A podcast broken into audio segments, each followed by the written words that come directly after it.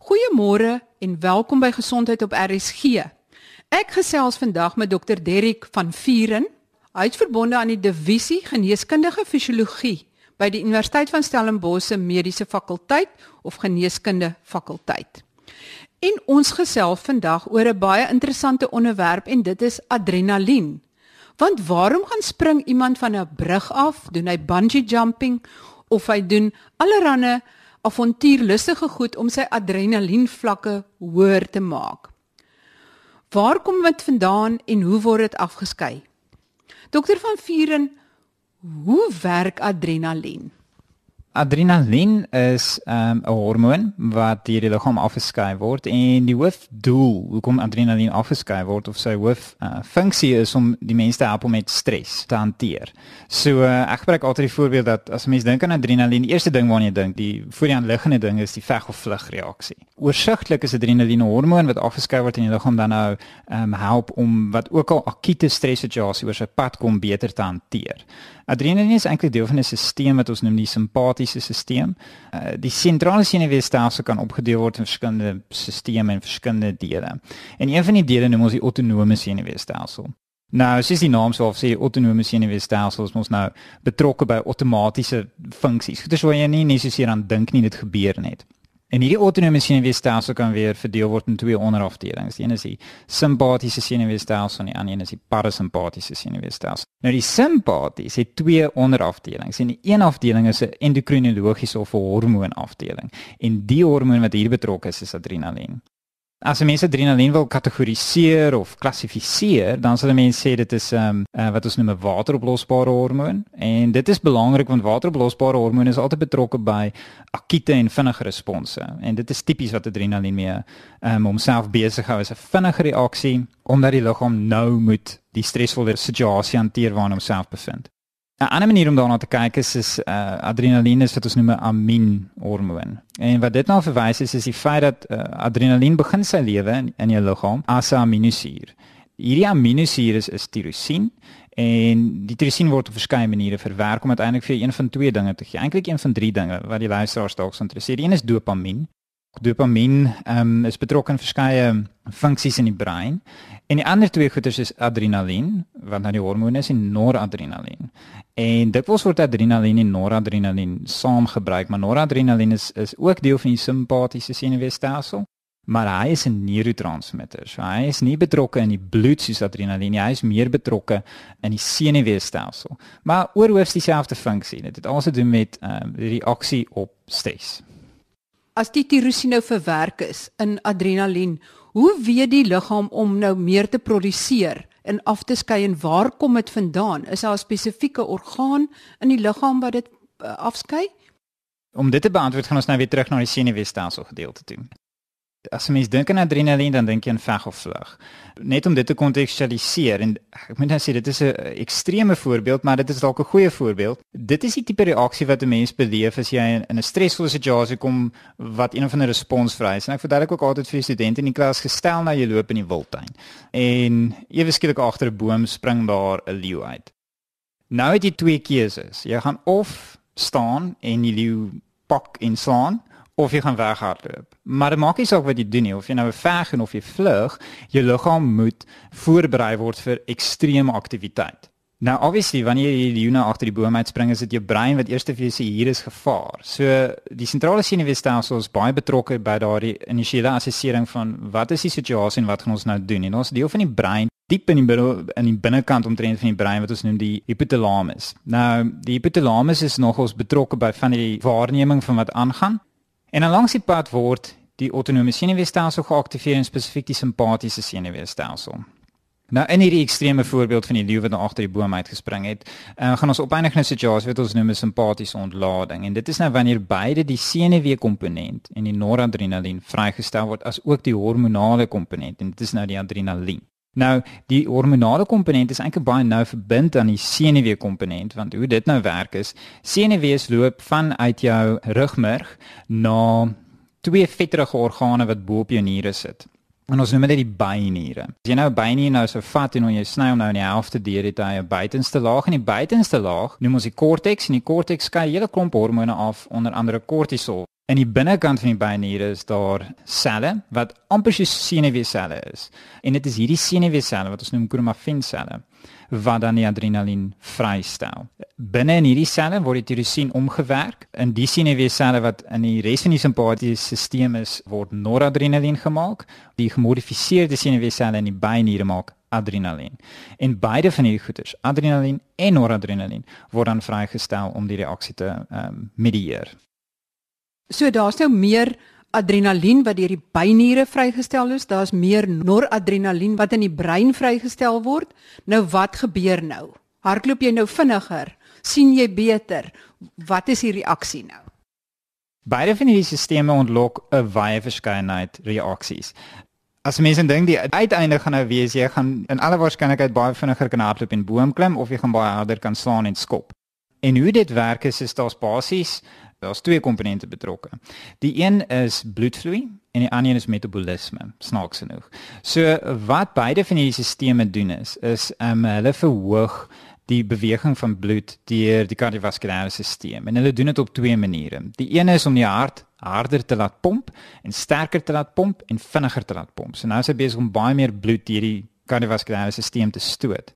Terselfdertyd verander hulle 'n bietjie die wyte van van jou are en jou bloedvate En dit is eintlik baie slim hoe dit werk want wat gebeur is is bloed word weggeskuif van organe wat nie nodig is om nou die situasie te hanteer nie. So as ons terug in die wildtuin is en ons het nou die leeu voor ons, goeie spysvertering is nie regtig belangrik op daai stadium nie se so bloed word weggeskuif van die spysverteringsstelsel af en ook die niere weg van die niere af geskuif en by voorkeur gestoot in die rigting van ehm um, weefsel so skeletspierweefsel. Dit is nou die spiere in jou arms en in jou bene. Ehm um, organe soos die lewer wat belangrik is vir metabolisme en natuurlik die hart self in die brein. So nou gaan bloed weg van waar dit nodig is nie waar na waar dit nodig is sodat jy kan reageer. Dis die een kant. Die ander kant is die metaboliese kant. Nou wat daar gebeur is is, is dat adrenalien basies net daartoe bydra dat die liggaam se energiestore vrygestel word en nou beskikbaar word vir die brein en die spiere om nou eintlik te gebruik. Wat dit in praktyk behels is, is basies twee goeders. Aan die een kant sê adrenalien vir die lewer, jy moet nou meer glikose vrystel in die bloed in. En die lewer het verskeie maniere hoe hy dit kan doen. Die uiteinde is, is dat bloedglukose opgestoot word. Terselfdertyd sê adrenalien vir vetweefsel, uh, jy moet nou van julle vetstore vrystel en spesifiek uh, vry vetsure wat dan nou vrygestel word. So wat jy op opeindig dan uiteindelik is is 'n toename in bloedglukose en 'n toename in vry vetsure wat in die bloed ronddryf. En beide van hierdie is energiebronne. So jy het nou 'n lekker kombinasie hierso. Jy het meer energiebronne en dit word vinniger en beter versprei na die dele van jou liggaam wat dit nodig het, soos jou spiere sodat jy kan hardloop, of jou hart sodat hy harder kan klop, of jou brein sodat jy helderder kan dink. Daar's ook 'n paar ander effekte, goeie soos uh, 'n uh, toename in respiratoriese tempo. So wat dit net basies beteken is is um, van die lug weer verwyd. So nou kan jy meer suurstof inkry wat nou lekker saamgaan met die hele ding van jy het nou meer energie nodig, van daai suurstof help jou spiere om beter te werk en jou brein word gestimuleer, so jy dink 'n bietjie helderder as wat jy normaalweg dalk sou. En ook 'n effek wat gebeur is is dat die pupille van jou oë verwyd. Maar alles maak uiteindelik sin. Jy kan nou dink as jy nou voor die leeu staan, jy moet dink aan wat om te doen. Jou spiere moet hard kan werk sodat jy iets kan doen. Bloed moet vloei en natuurlik jy moet helder kan sien en dink. So sodra die ehm um, pupille van jou oog verwyd is, al meer lig wat inkom en jy kan helderder of beter ten minste waarneem wat rondom jou aangaan. So dit is alles 'n manier om die liggaam net meer geaktiveer te kry. Dis nou deel van die autonome senuweestelsel. Met ander woorde, jy het nie besluit dit gaan gebeur nie. Jou liggaam het self besluit dit is wat gebeur want hy het nou waargeneem daar's gevaar. As jy nou begin hardloop, is dit ook nog steeds 'n deel van die autonome senuweestelsel, 'n outomatiese reaksie of dink jy mens dink nog daaroor?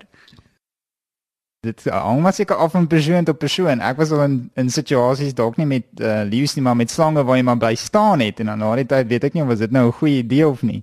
Nee, daardie initiële respons is, is dink dan aan as die liggaam se manier om vir jou hulpbronne vry te stel. Wat jy doen met daai hulpbronne is nou jou besluit.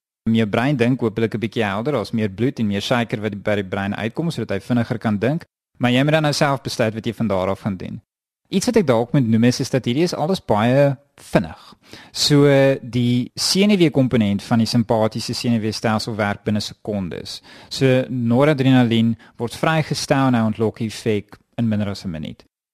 Adrenalien hang 'n bietjie langer rond in die bloed en hy kan die effek ontlok vir tot 2 of 3 minute vandat hy vrygestel is. Natuurlik As jy nou besluit om te hardloop sê maar jy jaag jou gaan dan nog ons baie adrenalien vrygestel word. So jy gaan 'n uh, redelike volhoude uh, vrystelling van adrenalien hê, maar as jy dra daai vrystelling stop, is dit 'n kwessie van 'n paar minute en die adrenalien is op en jy dan gaan gaan begin terugkeer na sy basiese situasie toe. So dit is regtig net so 'n skop om jou daardie ekstra energie te gee om iets te doen. Maar ja, wat jy doen met daai energie is maar jou besluit. So, hoe lank hou dit gewoonlik aan? Sê maar iemand doen bungee jumping. Hoe lank hou daai effek van die verhoogde adrenalien aan? Ek dink dit hang maar baie af van situasie tot situasie en persoon tot persoon want mense het natuurlik verskillende drempels in terme van hoeveel adrenalien gaan 'n sekere effek ontlok by hulle teenoor ander individue. Ehm um, so ek sê op papier is dit 'n kwessie van 'n paar minute. Nou gestel iemand doen iets soos bungee jumping hang of seker hoe ver jy nou val, maar jy gaan dalk vir 'n rukkie besig wees om adrenalien vry te stel by die voor die tyd. Want jy weet mos nou, as jy nou in die wildtuin loop, jy weet nie jy gaan agter die boom uitspring nie, maar as jy nou van 'n brug gaan afspring met 'n tou aan jou voete, jy weet dit kom. So die adrenalien word sommer al voor die tyd vrygestel en natuurlik tydens en ook na die tyd. Eh, Mense kan dink in terme van daai akute effek in terme van minute. Mense kan dalk nog die effek voel vir langer natuurlik, want ehm um, jou liggaam word in so 'n hoë energietoestand geplaas dat daar noodwendig sekere gevolge gaan wees later aan. So byvoorbeeld gestel jy hardloop nou weg van die leeu. Na die tyd gaan jy dalk nog 'n bietjie styf voel, jy gaan dalk 'n bietjie moeg voel, jy gaan dalk 'n bietjie van 'n naarkol op jou maag hê, jy gaan dalk 'n bietjie van 'n hoofpyn hê en dit is nie adrenalien self op daai stadium nie, dit is 'n gevolg van die feit dat jy nou reg op 'n hoë energie vlak gehardloop het wat jy nie normaalweg sou gedoen het nie. So jou spiere het 'n bietjie te hard gewerk. Dit is nie regtig gewoond hier aan nie. Jou spysverteringskanaal is ook nie heeltemal gewoond aan om so min aandag te kry nie. Jou brein is nie heeltemal gewoond aan om heeltemal so helder te dink nie. So jy gaan dalk 'n bietjie vorder voel daarna en dit het eintlik nie nesesieries te doen met adrenalien self nie. Dit is meer net 'n gevolg na die tyd van die feit dat jy op so 'n hoë energietoestand was. Ek dink dit is belangrik om ook onderskei wanneer mense praat van iemand soos 'n adrenalien junkie dit is nog 'n komplekse ding waaraan mense baie navorsing doen want alhoewel daar nou hierdie voor die hand liggende dinge is van al die adrenalien wat vrygestel word is daar ook ehm um, sekere dele van die brein wat geaktiveer word en dit is nou waar die dopamien weer in die ding inkom. Van die navorsing op die oomblik toon dat dopamien wat 'n neurotransmitter in die brein is, so hy is 'n chemiese stof wat syn in die brein ronddra, nog ons baie betrokke is by reaksies wat gevoelens van geluk en opwinding by mense wek. So baie van die effek wat jy kry wanneer iemand van 'n brug af spring, gaan nie net oor die adrenalien nie, alhoewel dit kan deels, want natuurlik jou liggaam is op hierdie high en alles is net helderder en duideliker en jy voel meer lewendig as ooit. Maar 'n groot deel van die effek daarna en tydens het ook maar eintlik te doen met wat binne jou brein aangaan en wat nie eintlik direk betrokke is by die um, adrenalien as selfs nie. En van daardie feit dat mense soms in situasies kom waar jy 'n groot adrenalien rush kry, Maar dit was nie so lekker nie. Dus ek sien na die tyd voel jy eintlik 'n bietjie gaar, jy voel 'n bietjie vorder oor wat met jou gebeur het en dis omdat die brein nie lekker saam gespeel het nie. En uh, dis nie soos jy wat van die brug af gespring het en opwinding daaroor beleef het en daai assosiasie van hierdie is lekker. Ehm um, daaraan koppel nie. So dit is kan 'n goeie ervaring wees of 'n verskriklike ervaring. As die effek nou weggaan, waar kom kortisol dan in by die stres uh, reaksie? Toe ek begin praat het oor adrenalien het ek gesê een van die maniere ons dit kan klassifiseer is as 'n wateroplosbare hormoon en ek het gesê dat ehm um, dit betrokke is in 'n akute respons. Kortisol is is amper die ander kant van die munt. Kortisol is 'n hormoon wat ook betrokke is by streshantering, maar hy word gesintetiseer vanaf cholesterol en um, ons noem hom 'n steroïdhormoon. Hy word uitgeskei of ge, geproduseer ook deur die byniere, maar nie deur die die binnekant, nie deur die senuweeselle in die byniere nie. Hy word deur die korteks in die buitekant van die bynier geproduseer. Um, en hy is vetoplosbaar en hy is geneig om baie lank in die bloed rond te dryf. Etlike ure. So mense kan ook klaar sien hier is nog 'n verskil. Adrenalien 'n paar minute, kortisol 'n paar ure. So kortisol het meer te maak met 'n langdurige aanpassing by stres. En dit is dan nou veral stres, beide fisies of emosioneel waarvan jy nie eintlik kan ontsnap nie. So in 'n situasie nou waar jy nou van 'n brug af spring of weghardloop van 'n leeu, dit is hopelik 'n kortstondige situasie waarin jy jouself bevind en binne 'n paar minute is jy uit die situasie uit. Maar as jy nou besig is om te studeer, byvoorbeeld, en is 'n vak waarvan jy nie hou nie en jy skryf jou eksamen oor 3 weke van nou af, so jy moet nou studeer en jy bekommer oor jou eksamen, daar is 'n langdurige tipe stres waarvan jy nie kan ontsnap nie. Jy moet gaan swat en jy moet die eksamen gaan skryf en in sulke situasies begin kortisol meer van 'n belangrike rol speel. So kortisol se effek is ook nie heeltemal so uitgesproke in terme van dat jy nou helderder dink of dat jou hart beter werk en jou spiere vinniger werk. Sy effekte is meer gesentreer op metabooliese aanpassings sodat daar meer energiebronne beskikbaar is in jou bloed vir vir jou liggaamsweefsels. So beide van hulle, adrenalien en kortisol, het te maak met die hantering van stres, maar adrenalien is kortstondig en akut terwyl kortisol meer langdurig is en te maak het met stresvolle situasies wat oor 'n langer periode van tyd ehm um, ontvou. Maar baie mense sal sê dat langdurige kortisol, hoë vlakke van kortisol dra ook by hoekom mense dikwels oorgewig is en nie gewig kan verloor nie. Hoe bring ek daai twee in verband? Ehm um, die antwoord is ons weet nie lekker nie. Basies het kortisol een doel vir oë. Wel, ons seker meer as een doel, maar vir die doel van hierdie gesprek een doel en dit is om jou bloedglukose vlakke te beskerm. En hy doen dit op verskeie maniere. In praktyk wat gebeur is is ehm um, goeie soos ons noem in Engels tissue wasting waar baie van jou weefsels begin om proteïenmassa te verloor en dit is nie bloot omdat jy kortisol stimuleer die afbraak van proteïene in sê maar jou skeletspiere en dan gebruik jy lewe daardie proteïen om glikose te maak. Dis nou die ding. So nou word jou bloedglikose beskerm. In vetweefsel, soos adrenalien, stimuleer kortisol die vrystelling van vrye vetsure wat dan nou in die bloed opeindig en dan nou gebruik kan word vir energie of sekere vette kan ook gebruik word om glikose te produseer. Vir een of ander rede en dit is nou die vreemde ding waaroor ek ek dink ons weet heeltemal hoe dit werk hier. Ehm um, met langdurige kortisol blootstelling gebeur dit dat baie van die vette dan weer gedeponeer word elders in die liggaam. Nou mense sien dit veral goed in sekere patologiese kondisies waar 'n mens 'n uh, patologiese toename het in kortisol. Nou wat ek bedoel met patologies is nie net jy is vreeslik angstig en nou jy hoë kortisol nie. Ek bedoel eerder iets soos ehm um, daar's 'n tumor wat op die bynier groei en meer kortisol produseer as wat nodig is. Eintlik is jy nog baie graag mee om sy kortisol vlakke te reguleer. So dit gebeur bitter min dat goeters per ongeluk te hoog te lank gaan. In die beginjare het mense baie kortison wat maar soortgelyk aan kortisol is vir pasiënte voorgeskryf maar te veel te lank. En dan het jy hierdie eksogene buiteliggaamse bron van kortisol wat ook bygedra tot onnatuurlike hoë vlakke van kortisol. In sulke gevalle kry mense interessante vetverspreiding waar die vet um, gedeponeer word meer in die rug en in die gesig areas as necessair rondom die middel. So alhoewel dit geassosieer is met uh, 'n uh, mate van vetsigtigheid of 'n vetsigtige profiel, is dit tog 'n bietjie anders as net iemand wat te veel eet. In terme van dat die vet gedeponeer word op op ander plekke. Hoekom dit gebeur, dit weet ons nie heeltemal nie. Ons het nou gesels oor die simpatiese reaksies. En dit is nou adrenalien, noradrenalien, dopamien, maar wat is dan die parasimpatiese reaksies? So soos ek in die begin genoem het, die autonome senuweestelsel kan in hierdie twee bene verdeel word: simpaties en parasimpaties.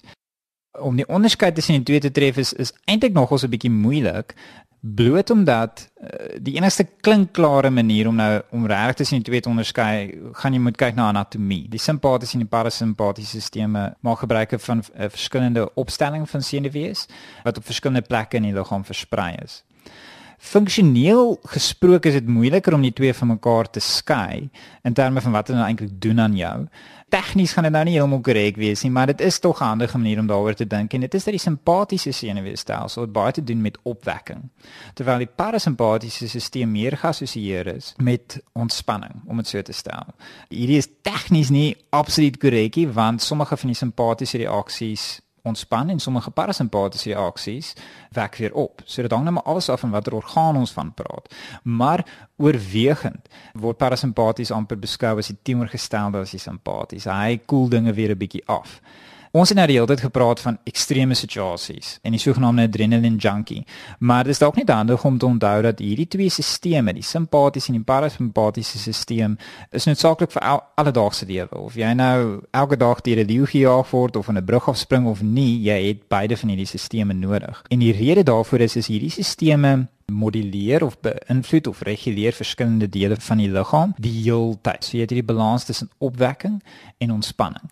En dit is hierdie balans wat uiteindelik bepaal wat gebeur. Miskien sal dit makliker wees as ek 'n voorbeeld gebruik. Een van die beste voorbeelde is die wyte van jou bloedvate. Ons uh, ons noem dit die tonus van jou bloedvate. Onder normale rustende omstandighede is hulle almal so klein bietjie saamgetrek. En die rede hoekom hulle saamgetrek is is omdat daar's konstante simpatiese stimulasie is. Hulle is nie optimaal saamgetrek nie. Hulle kan nog meer saamtrek as die leeu agter die bos uitspring. Hulle is ook nie heeltemal ontspanne nie. En as jy van daardie simpatiese ehm um, stimulasie wegneem, dalk 'n bietjie meer parasimpatiese stimulasie, dan gaan hulle nou weer meer ontspan. So kan jou liggaam nou reguleer die hele tyd deur die dag, na gelang daarvan of jy nou met op hardloop, jy's laat vir 'n afspraak en jy moet eers in hardloop en of jy nou 'n bietjie gaan lê vir die middag na 'n lekker middagete So kan jy liggaam die hele tyd hierdie twee stelsels te mekaar afspeel om al die verskillende stelsels te beheer. Dieselfde is nogals waar vir kortisol ook. Ons praat nou van kortisol in hierdie ekstreme oordrewe vorm dat hy nou betrokke is by akute stres en uh, langdurige blootstelling aan kortisol is tipies nie so goed vir 'n mens nie, maar ons het almal kortisol wat die hele tyd afgeskei word. En die interessante ding is is dat uh, kortisol afskeiding 'n um, dag-nag siklus vorm volg of sirkadiese ritme volg sodat ons almal hoër vlakke van kortisol het vroegoggend. Ehm um, ek sê altyd vir studente een van die mees stresvolle dinge waaraan jy nou in die dag blootgestel kan word is nou maar om op te staan in die oggend. So jou kortisol vlakke neem toe 'n uur of twee voordat meeste mense opstaan in die oggend. En dit gebeur met ons almal die hele tyd want kortisol is belangrik ook om normale liggaamsfunksies te reguleer. So beide van hierdie stresresponse, asook die parasimpatiese stelsel, alhoewel dit die maklikste is om aan dit te dink in in ekstreme gevalle, is eintlik baie belangrik vir net normale funksionering. En die parasimpatiese en die simpatiese stelsel is dikwels teenoorgesteldes van mekaar. So die balans tussen die twee beïnvloed jou uiteindelik die effek jy sê die parasimpatiese en die simpatiese is teenoorgestelde, dan neem ek aan dat met die parasimpatiese stelsel as dit meer gestimuleer word, dat die spysverteringsstelsel harder werk en die spiere in die weghardloopslag bietjie afgekoel is. Ja, dit is nou juis een van die funksies waar meer die parasimpatiese stelsel ehm um, geassosieer word is maar met die spysverteringskanaal. En dit is eintlik 'n baie goeie voorbeeld van hoe dit nie altyd so maklik is om tussen simpaties en parasimpaties te onderskei net na gelang van opwekking of ontspanning nie. Want soos ek vroeër genoem het, as jy nou weggaan vir die leeu, is spysvertering nie reg prioriteit nie, so die simpatiese senuweestelsels neig om bloed weg van die uh, spysverteringskanaal af te verskuif. Terwyl as jy nou lekker rustig ontspan, jy het nou lekker middagete gehad, en dan neem die parasimpatiese stelsel meer oor, dit begin meer domineer.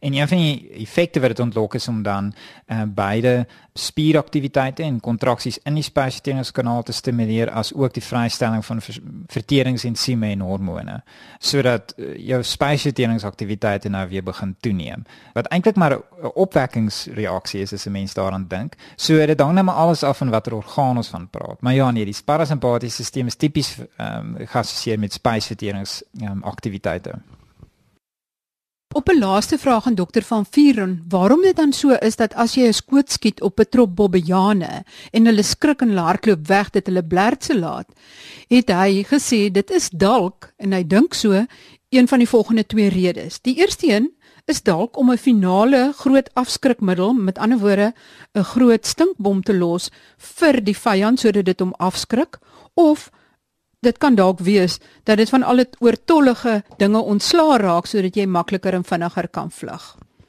Op daardie noot sluit ons af. Dit was dan my gas Dr Derrick van Vuren, geneeskundige fisioloog verbonde aan die divisie geneeskundige fisiologie van die Universiteit van Stellenbosch se geneeskunde fakulteit. Volgende week gesels ek met professor Marius Kutse, hy's hoof van hematologie by die Universiteit van die Vrystaat in Bloemfontein en ons gesels oor hemofilie en ander bloedingsneigings en siektes.